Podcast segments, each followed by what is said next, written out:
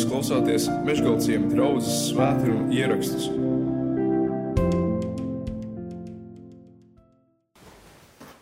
Šajā brīdī mēs ejam cauri tam kursam, kura nosaukums ir mīlestība domā.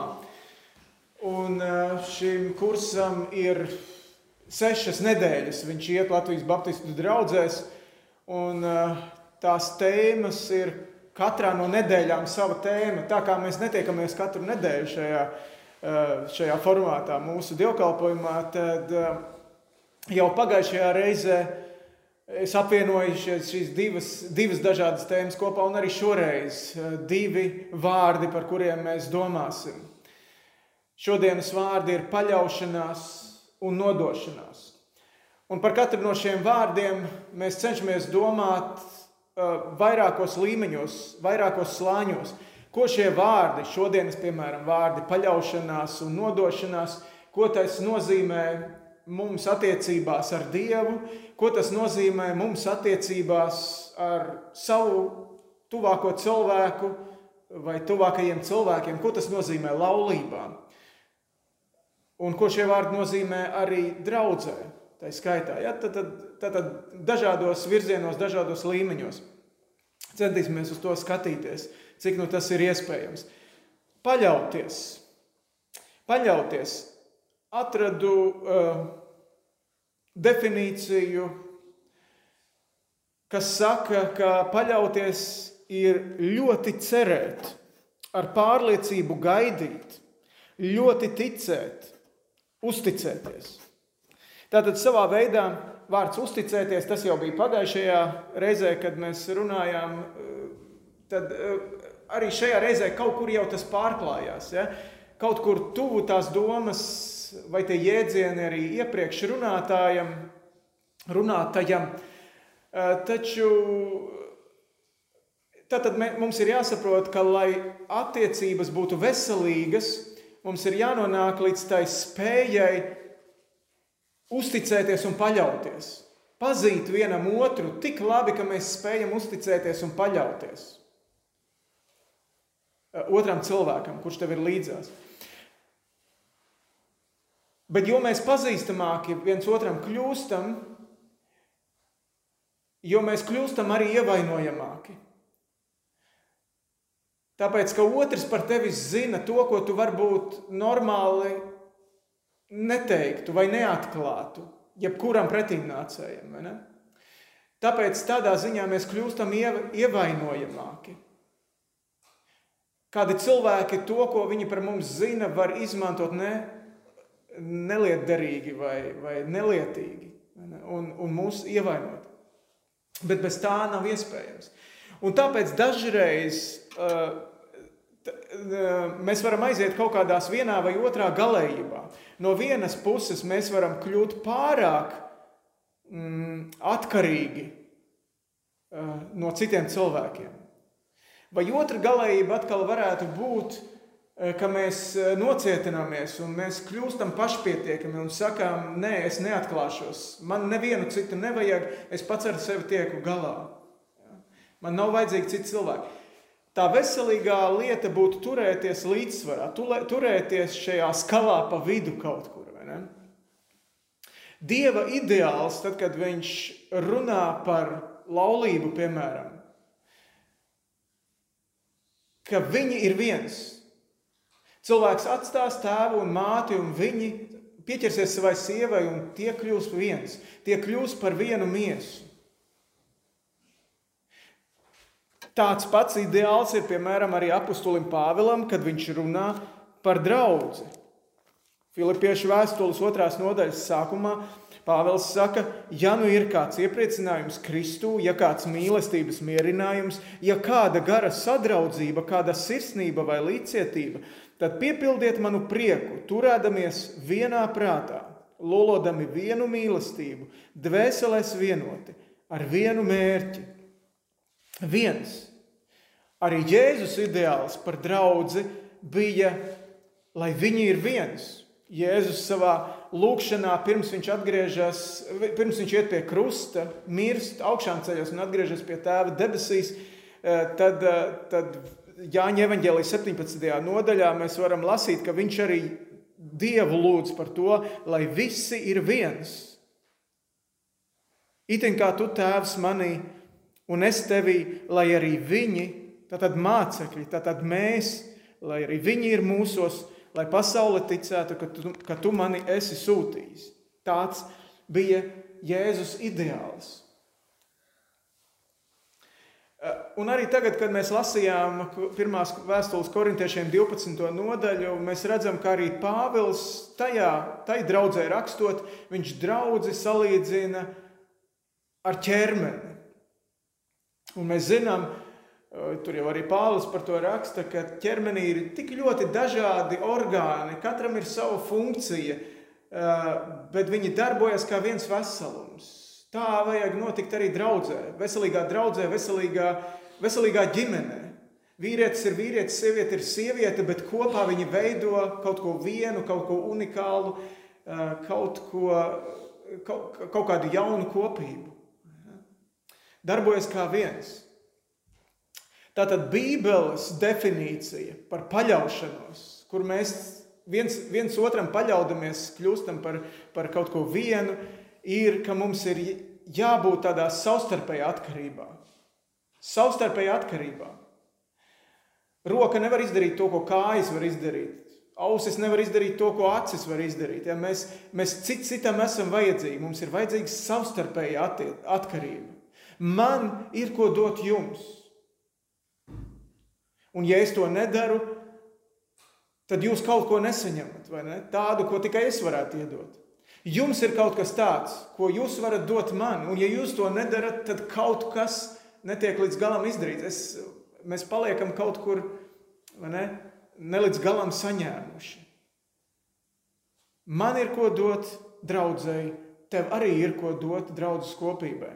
Tas ir tā kā ķieģeļa siena, un es par to kādreiz esmu teicis, ne, ka ķieģeļi cit, citam ir vajadzīgi. Vienu ķieģeli balsta divi citi ķieģeļi. Un tas ķieģelis, kurš esi tu, tas balsta atkal divus citus ķieģeļus. Ja? Tā, to, tā to mūri uzbūvē. Tāda ir tā siena. Laulībā tas varētu nozīmēt Bībeles zelta likumu. Bībelē ir tas saucamais zelta likums. Kā jūs gribat, lai cilvēki jums dara, tā dariet viņiem. Mēs varētu mazliet pārs, pārfrāzēt, domājot tieši par, par laulību, vai ne? Kā tu gribētu, lai tava sieva pret tevi izturās, tā izturies pret viņu. Kā tu gribi, lai tavs vīrs pret tevi izturās, tā izturies pret viņu. Un te ir tas jautājums par pazīšanu. Vai mēs zinām, ko tas otrs cilvēks no manis gaida? Vai tu zini, vai tu pazīsti to otru cilvēku, lai tu zinātu, Kas ir viņa vajadzības, Kā, ko viņš no tevis gaida? Galu gal beigās, es domāju, varbūt mēs paši dažreiz nesaprotam, ko mēs no otra cilvēka gaidām. Efesiešu vēstulē, 5. nodaļā, runājot par vīriem un sievām, apustulis Pāvils raksta tādus vārdus, 5. nodaļas, sākot ar 21. pāntu: Esiet paklausīgi cits citam Kristus bijībā. Sievas, esiet paklausīgas saviem vīriem kā tam kungam, jo vīrs ir sievas galva, tāpat kā Kristus ir draudzes galva, būdams savas miesas pestītājs. Bet kā draudzene ir paklausīga Kristum, tāpat arī sievas saviem vīriem visās lietās. Vīri, mīliet savas sievas, tāpat kā Kristus ir mīlējis savu draugu, pats nododamies viņas labā, lai to darītu svētu, šķīstot ar mazgāšanu ūdenī caur vārdu, sev savu draugu sagatavotams cienīgu, bez traipa, bez krunkas un cita tam līdzīga trūkuma, lai tā būtu svēta un bez vainas. Tā arī vīriem pienākas savas sievas mīlēt kā savu miesu. Kas mīl savu sievu, tas mīl sevi pašu, jo neviens nekad vēl nav ienīdis pats savu miesu, bet katrs to kopja un glabā tāpat kā Kristus draugs, jo mēs esam viņa miesas locekļi. Tādēļ cilvēks atstās tēvu un māti un pieķersies savai sievai, un abi kļūs par vienu miesu.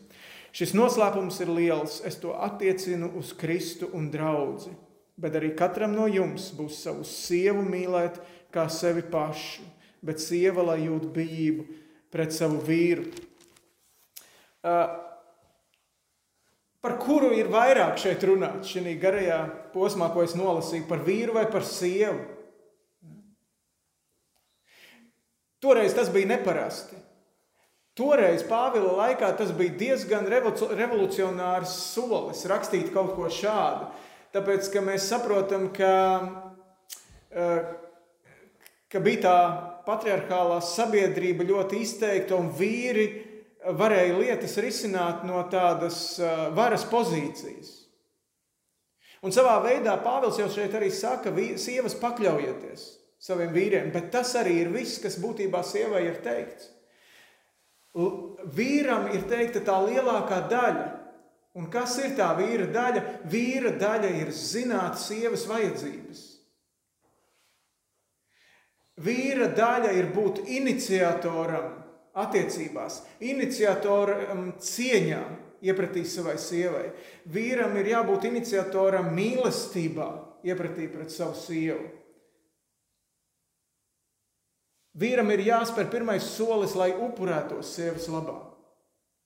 Ja mēs tā varētu teikt, vīram ir jābūt savas sievas pētniekam, kurš zina savas sievas vajadzības. Un, ja vīrs izpildīs savu daļu, es ticu, ka sieva ar prieku pakļausies savam vīram. Tāpēc, ka viņa zinās, es varu šim cilvēkam uzticēties. Vēl vairāk šis vīra un sievas modelis atspoguļo, kā Pāvils saka, Kristu un draugu. Sievas paraugs ir draudzene. Ja sieva grib zināt, ne, kā kalpot ģimenē, viņai ir jāskatās, kā, kā draudzē ir jākalpo sieva, savam vīram, Kristum. Kā draudzē ir jākalpo. Vīra paraugs ir Kristus. Vīram ir jāskatās uz Kristu. Kā Kristus mīlēja draugu. Mīlēt sievu nevienmēr ir viegli. Arī Kristum nebija viegli mīlēt savu draugu. Tas prasīja viņam nokāpt no viņa godības troņa. Vīram arī bieži vien ir jānokāpj no sava ego troņa. Kristus mīlēja un glāba savu draugu bez tā, ka tā draudzene to būtu pelnījusi. Tad, kad viņš ir glābis, tad, kad viņš ir kalpojis savai draudzē, jā, tad viņš gaida atdevīgu to mīlestību no draudzes puses. Taču viņam ir jāmīl pirmajam. Vīram ir jāmīl pirmajam. Vīri nesiet pasīvi savā ģimenē. Vīri nesiet pasīvi sabiedrībā. Vīri nesiet pasīvi draudzē. Jēzus nodeva sevi draudzēji. Un šis ir tas otrais vārds - nodošanās šodien.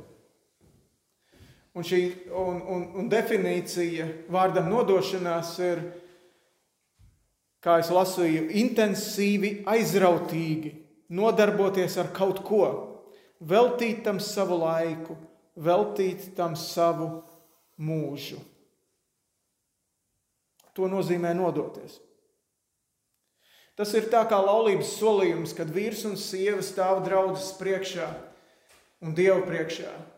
Viņi solās priekos un bēdās, vienalga, kas nāks. Slimībā, veselībā, vienalga, kas nāks. Bagātībā, nabadzībā, lai būs kā būs. Es būšu ar tevi, es nodošos tev. To Dievs ir solījis arī savai draudzēji. Es tevi neatstāšu un tevi nepametīšu. Kāds, kurš ir bijis pietiekami pacietīgs, tie ir vairāk cilvēki bijuši un tie skaitļi atšķirās, bet ir skaitījuši apsolījumus, ko Dievs ir devis cilvēkiem apsolījumus Bībelē. Tie skaitļi varētu atšķirties, bet apmēram 7,5 tūkstoši dažādu apsolījumu, ko Dievs ir uh, devis Bībelē cilvēkiem. Viņš to ir apsolījis. Par nožēlu Bībele ļoti bieži runā par nožo, nodošanās trūkumu. Ja tauta līdzās dzīvajam dievam ir turējusi kaut kādu elku, tad Dievs to ir saucis par laulības pārkāpšanu. Tu neesi nodevies, tu neesi bijis uzticams savam solījumam. Un Dievam tas sāp. Tad, kad tu neesi uzticams bijis savai, savam nodošanās solījumam, tad uh, tiek ievainota uzticēšanās, tiek ievainota paļaušanās. Dažādas plaisas attiecībās parādās. Un Dievs par sevi saka, ka Viņš grib, grib redzēt sevi, savu mācekļu, savas draudzes visaugstākajā prioritātē. Tik augstā prioritātē, ka, piemēram, Justs un Kristīna vienkārši viņi negaidīja, kad ūdens sasildīsies, ja, un kad būs rudenī visi ūdeņi silti beidzot. Tagad, ne, pavasarī, kāpsim ūdenī un slēgsim šo derību ar Kristu. Tāpēc, ka viņš ir pirmā prioritāte, to nevar atlikt. Cik svarīgā prioritāte ir tev, tavs dzīves draugs, tava laulība, tavs svarīgākais cilvēks. Ir jau tā anekdote, ne, ka nu, es taču to solījumu esmu devis. Ja?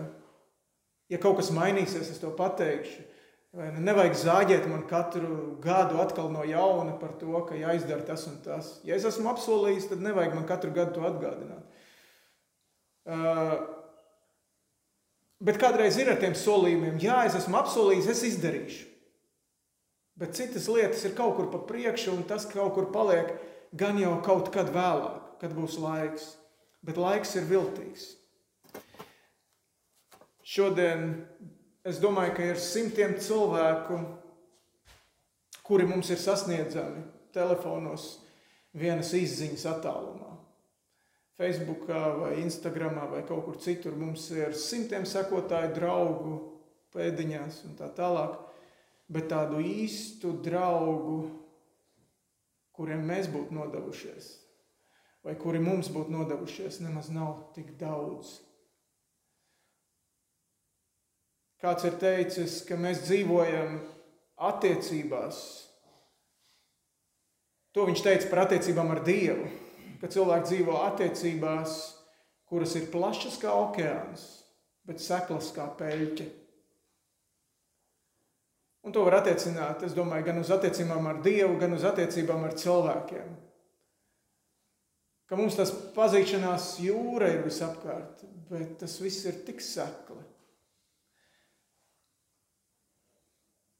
Bērniem bija kādreiz tā multenīte, eh, kad mūsu bērni bija mazi, mēs skatījāmies par Zibenu Makvīnu. Atcerieties, tā sacīkšu mašīnīte, kura bija talantīga, no ār, ārkārtīgi talantīga un, un, un skaista. Un, eh, nezinu, meitenes ģība, ja, tad, kad viņi ieraudzīja.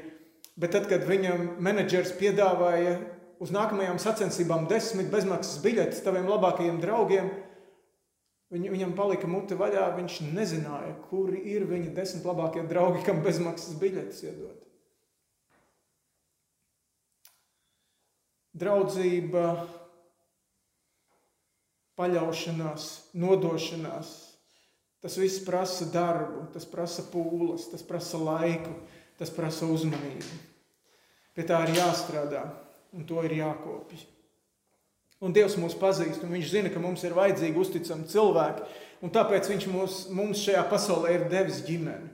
Tāpēc Viņš mums ir devis laulību, tāpēc Viņš mums ir devis draugu.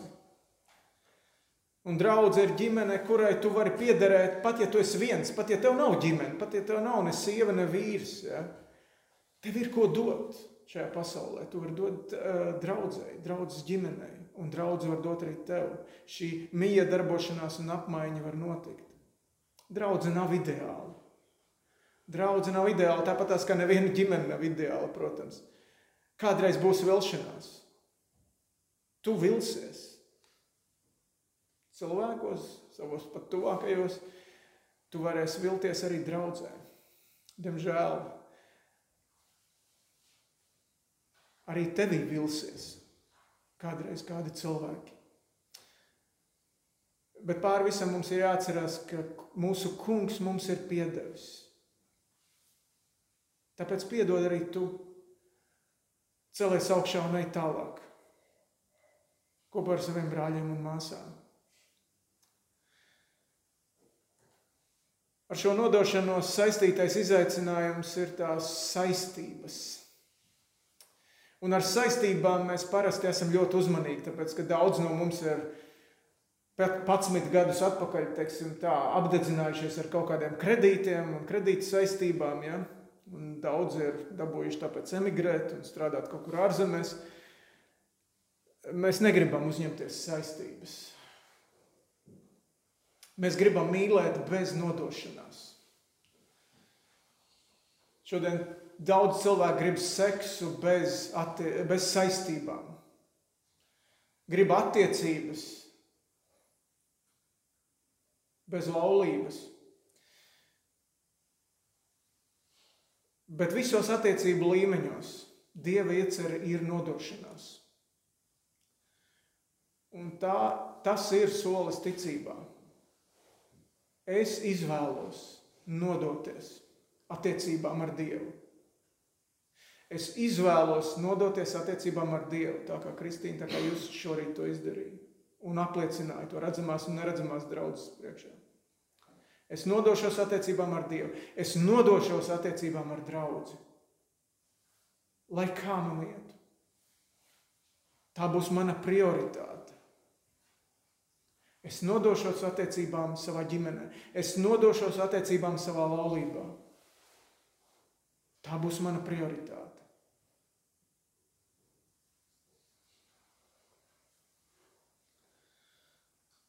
Mēs šodien svinam divu cilvēku pievienošanos draudzē. Lai Dievs svētī Justu un Kristīnas nodošanos Dievam un saviem brāļiem un māsām draudzē. Lai tas mūs atjauno. Lai tas mūs arī pārējos atjauno šajā, šajā nodošanās solījumā Dievam, eh, draudzē, cilvēkiem. Lūksim Dievu. Debes Tēvs, paldies Tev par attiecību smalkajiem mehānismiem. Un piedod lūdzu mums mūsu nevērību. Piedod to, ka mēs tik bieži vienkārši bradājam pāri šiem trauslajiem ziediem. Paldies par katru, kurš uzdrošinās spērt soli ticībā. Paldies par, par Kristīnu un Justu kā tādiem redzamiem piemēriem mums šodien par ticības soli nodro, nodoties attiecībām ar Dievu. Paldies, ka Tu esi Dievs, kurš ilgojies pēc attiecībām ar mums. Un tas ir brīnums. Bet paldies par to. Un svētī, lai mēs paturam kaut ko no šiem vārdiem, no šīm domām savos prātos un nododamies, nododamies tev, saviem vīriem, savām sievām, saviem brāļiem un savām māsām. Lai tā mums ir augsta prioritāte mūsu dzīves steigā un aizņemtībā. Jēzus Kristus vārdā to lūdzam. Amen.